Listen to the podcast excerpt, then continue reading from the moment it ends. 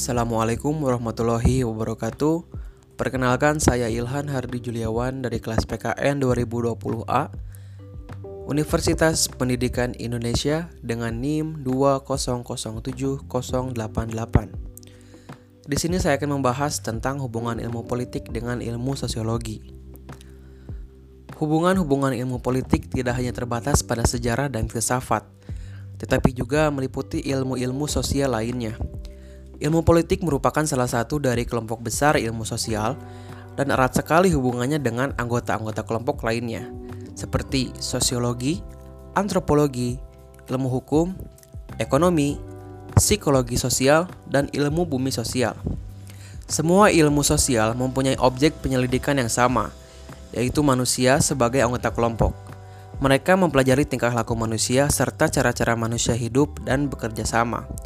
Cara penglihatan ini berdasarkan gagasan bahwa manusia itu tidak dapat hidup tersendiri, tetapi selalu hidup dalam suatu komunitas. Gagasan bahwa secara mutlak manusia merupakan anggota kelompok bukanlah penemuan baru. Sejak kira-kira tahun 400 sebelum Masehi, filsuf Yunani Aristoteles berkata bahwa manusia merupakan zoon politikon, yang berarti makhluk sosial atau makhluk politik, dan bahwa manusia yang hidup tersendiri adalah dewa atau binatang. Di antara ilmu-ilmu sosial, sosiologilah yang paling pokok dan umum sifatnya. Sosiologi membantu sarjana ilmu politik dalam usahanya memahami latar belakang, susunan, dan pola kehidupan sosial dari berbagai golongan dan kelompok dalam masyarakat. Dengan menggunakan pengertian-pengertian dan teori-teori sosiologi, sarjana ilmu politik dapat mengetahui sampai di mana susunan dan stratifikasi sosial memengaruhi ataupun dipengaruhi oleh, misalnya, keputusan kebijakan, corak dan sifat keabsahan politik, sumber-sumber kewenangan politik, pengenalian sosial atau social control, dan perubahan sosial atau social change.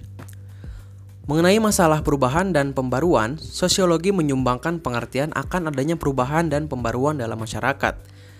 Apabila dalam masyarakat timbul golongan-golongan atau kelompok-kelompok baru yang memajukan kepentingan-kepentingan baru, maka Nilai-nilai kebudayaan masyarakat secara keseluruhan akan menunjukkan perubahan-perubahan dalam pola kehidupan politik. Pergerakan perburuhan di negara-negara industri dan pergerakan petani di negara-negara agraris. Misalnya menyebabkan orientasi kepada nilai-nilai baru yang timbul sebagai akibat pergeseran golongan dan kelompok yang berpengaruh dalam masyarakat. Perkembangan pertambahan penduduk dengan sendirinya akan mengakibatkan perubahan dalam stratifikasi sosial, hubungan antar kelas, ketegangan-ketegangan politik, dan meningkatnya masalah-masalah organisasi sosial dan politik. Baik sosiologi maupun ilmu politik mempelajari negara, akan tetapi sosiologi menganggap negara sebagai salah satu lembaga pengendalian sosial atau agent of social control. Sosiologi menggambarkan bahwa pada masyarakat yang sederhana maupun yang kompleks, senantiasa terdapat kecenderungan untuk timbulnya proses, pengaturan, atau pola-pola pengendalian tertentu yang formal maupun yang tidak formal.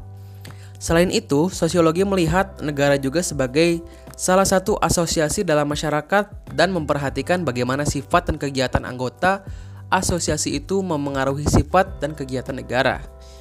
Jadi, ilmu politik dan sosiologi sama dalam pandangannya bahwa negara dapat dianggap sebagai asosiasi maupun sebagai sistem pengendalian sosial atau system of controls. Hanya saja bagi ilmu politik, negara merupakan objek penelitian pokok. Sedangkan dalam sosiologi, negara hanya merupakan salah satu dari banyak asosiasi lembaga dan pengendalian dalam masyarakat. Terima kasih. Wassalamualaikum warahmatullahi wabarakatuh.